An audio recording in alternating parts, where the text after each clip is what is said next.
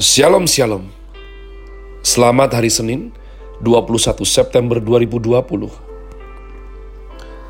Kembali jumpa bersama saya Pendeta Kaleb Hofer Bintro dalam anugerahnya. Penuh sukacita sampaikan pesan Tuhan melalui program Grace Word yakni suatu program renungan harian yang disusun dengan disiplin kami doakan dengan setia supaya makin dalam kita beroleh pengertian mengenai iman, pengharapan, dan kasih yang terkandung dalam Kristus Yesus. Sungguh merupakan kerinduan saya bagi saudara sekalian, agar supaya kasih dan kuasa firman Tuhan setiap hari tiada pernah berhenti menjamah hati kita, menggarap pola pikir kita, dan yang terutama hidup kita terbukti sungguh berubah, makin serupa kepada Kristus Yesus. Masih dalam season autumn dengan tema promoting Chris Word hari ini saya berikan judul Doa Bapa Kami bagian yang ke-23 doa Bapa kami bagian yang ke-23. Sekali lagi mari kita buka Matius pasal 6 ayat 9 dan 10. Matius 6 ayat 9 10 karena itu berdoalah demikian Bapa kami yang di sorga. Dikuduskanlah namamu. Datanglah kerajaanmu. Jadilah kehendakmu di bumi seperti di sorga. Kemarin kita sudah bahas umat Tuhan dan kita mendapati tidak ada kerajaan dan pemerintah yang beres sempurna di dunia. Semua kerajaan dunia pasti hancur. Semua dinasti manusia pasti berakhir. Inilah janji di kitab Wahyu. Pada suatu hari, kerajaan dunia akan berubah menjadi kerajaan Allah. Saya sudah belajar berulang, masih gentar, tidak berani Terus cari tahu, belajar firman Tuhan. Belajar firman Tuhan. Maka saya berani berkata, saya pesimis dan negatif melihat kebudayaan pemerintahan segala yang berkembang di dunia. Kenapa? Mengecewakan. Setiap kali saya selesaikan kitab Raja-Raja 1, 2, Tawarih 1, Tawarih 2, setiap raja, setiap pemimpin selalu entah kenapa sudah melihat contoh yang baik daripada seorang yang takut akan Tuhan dan hidupnya disertai dengan luar biasa. Selalu ada kebodohan dan selalu merusak segalanya. Selalu ketika kita taruh hati kita, wah ini pasti bagus ini. Kenapa? Karena natur dosa natur dosa ini, kalau dia tidak lahir baru, maka kita butuh seorang presiden, pemimpin, raja dunia yang lahir baru, yang sayang Tuhan, tapi umat Tuhan. Jika tidak mujizat seizin Tuhan, itu langka sekali. Langka sekali. Namun, ternyata saya memang tidak usah pusing mengenai hal itu. Sebab kita hanyalah tamu di dunia ini kita ini musafir, pilgrim yang menuju kerajaan Allah yang kekal. Jadi apa yang harus kita lakukan? Yang real saja. Ya. Dunia ini tidak memiliki pengharapan. Sehingga kita jangan menaruh pengharapan terhadap dunia ini. Tetapi sebaliknya kita harus sangat berpengharapan dalam firman Tuhan dan jadi berkat buat dunia ini. Jangan dibalik. Kalau aku nanti kaya raya, baru aku bahagia dan melayani Tuhan. Itu keliru umat Tuhan. Aku sekarang bersuka cita, entah keadaanku masih berjuang, ya sebab aku menemukan juru selamatku hidup, aku melayani Tuhan dan aku rindu jadi berkat bagi dunia ini bagi sesamaku manusia. Nah, ketika sorga memperkenan perkataanmu yang tulus dan sungguh-sungguh itu, maka dalam rangka mau jadi berkat, kamu pasti diberkati Tuhan. Sehingga muncul definisi kaya. Jangan dibalik umat Tuhan. Ya, dengan optimis kita percaya Tuhan memberkati kita Sehingga dengan banting tulang, kita melayani Tuhan di dunia yang mengecewakan. Inilah sikap yang benar bagi seorang murid Kristus. Kita berjuang mengubah dunia dengan semangat agar dunia lebih baik menurut kehendak Tuhan, bukan manusia. Ini tugas kita. Kita semua tidak layak, tidak mampu, tidak sanggup, kurang kualitas untuk dipakai Tuhan secara penuh mengubah dunia. Tapi kita semua diberikan tanggung jawab untuk sebaik mungkin mengubah dunia di sekitar kita. Setiap hari.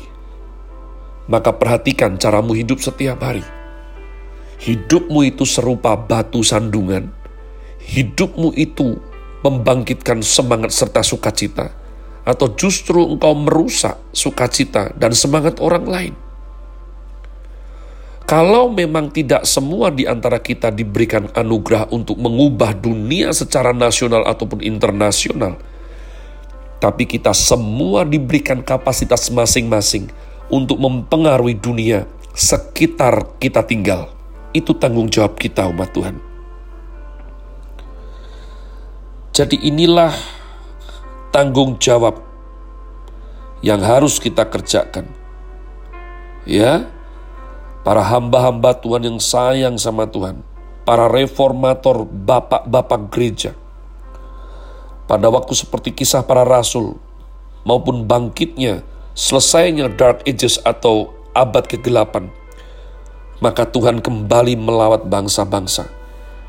Negara-negara yang pernah mengalami siraman berkat pembaptisan dari gereja Tuhan, akhirnya menjadi sekuler, Belanda kini hanya 50 persen ya orang yang tidak percaya Tuhan. Berarti puji Tuhan 50 persen dimenangkan. 40 persen suam-suam. Hanya 10 persen yang kadang ke gereja di antara 10 persen kebanyakan orang tua. Demikian pula Jerman dan kota-kota besar lain. Kita berdoa, Tuhan datanglah kerajaanmu. Dan dalam perjanjian baru, salah satu artinya adalah gereja dibangkitkan. Namun makin banyak orang Kristen yang rindu kaya raya, rindu tajir melintir, sudah tidak menginjil lagi. Tahukah saudara, gereja akan bunuh diri kalau tidak menginjil. Sebab itu amanat agung yang diberikan Jadi engkau harus teliti umat Tuhan. Gerejamu ajarkan apa kepadamu?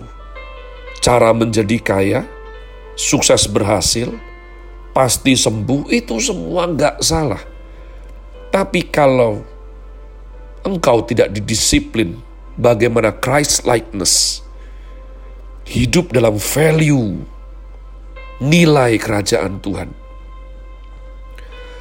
menitik beratkan kepada kemewahan, diiming-imingi daripada tuayan harta benda, 30, 60, 100 kali lipat, engkau harus awareness umat Tuhan. Engkau harus awareness. Sebab ketika engkau melihat tiga setengah tahun, total jenderal 33 setengah tahun, Tuhan Yesus Allah yang berinkarnasi menjadi manusia. Maka yang beliau kerjakan, yang beliau tegakkan adalah kerajaan Allah di muka bumi semua hidup yang beliau sentuh berubah menjadi orang-orang yang tidak takut menderita selama mengerjakan kebenaran. Menjadi orang-orang yang walaupun dalam situasi yang tidak mudah namun tetap sukacita di hati mereka. Menjadi orang-orang walaupun diberkati dengan kelimpahan namun tetap sayang dan cinta kepada Tuhan dengan tulus. Jadi umat Tuhan, kita hidup sekarang di zaman modern. Ya, paham konsumerisme sudah melanda bahkan gereja Tuhan. Penginjilan bukan pengajaran yang favorit lagi. Bersaksi, saudaraku, saudara kau lihat. Saya datang sebuah gereja. Mereka bersaksi mengenai seorang ibu yang punya tas miliaran. Oh my goodness, saya bukan nyinyir, bukan apa. Tapi kalau para murid Kristus yang mati sebagai martir mendengar hal tersebut, kira-kira bagaimana respon mereka? Sekarang banyak kebangunan palsu terjadi di gereja-gereja. Bukan hanya gereja Pentakosta karismatik, tapi gereja-gereja tradisional, lesu, mati, kaku, karena bukan lagi Injil yang dikabarkan umat Tuhan. Tapi kepentingan pribadi. Bahkan ada gereja-gereja tertentu yang datang diberi uang. Yang datang dapat door prize. Koordinator-koordinator dibayar untuk merekrut mendatangkan orang dalam jumlah banyak. Motivasi orang datang ke sebuah kebaktian sudah dirusak, sudah diracuni mereka tidak lagi ngerti firman Tuhan yang bagus itu diurapi seperti apa. Yang penting lucu, namun yang terutama adalah aku ke gereja dapat apa? Dapat berapa umat Tuhan? Kita harus bangkit. Siapa pun yang mendengar ini, kita patut merasa malu kepada Rasul Petrus yang disalib terbalik.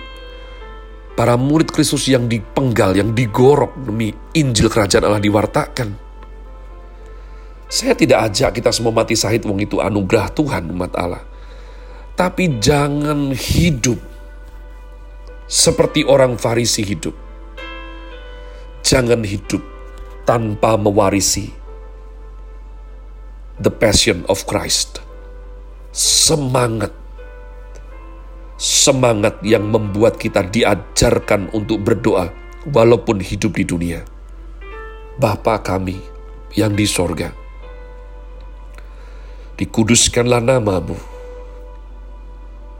datanglah kerajaanmu, jadilah kehendakmu. Have a nice day. Tuhan Yesus memberkati saudara sekalian. Sola. Grazie.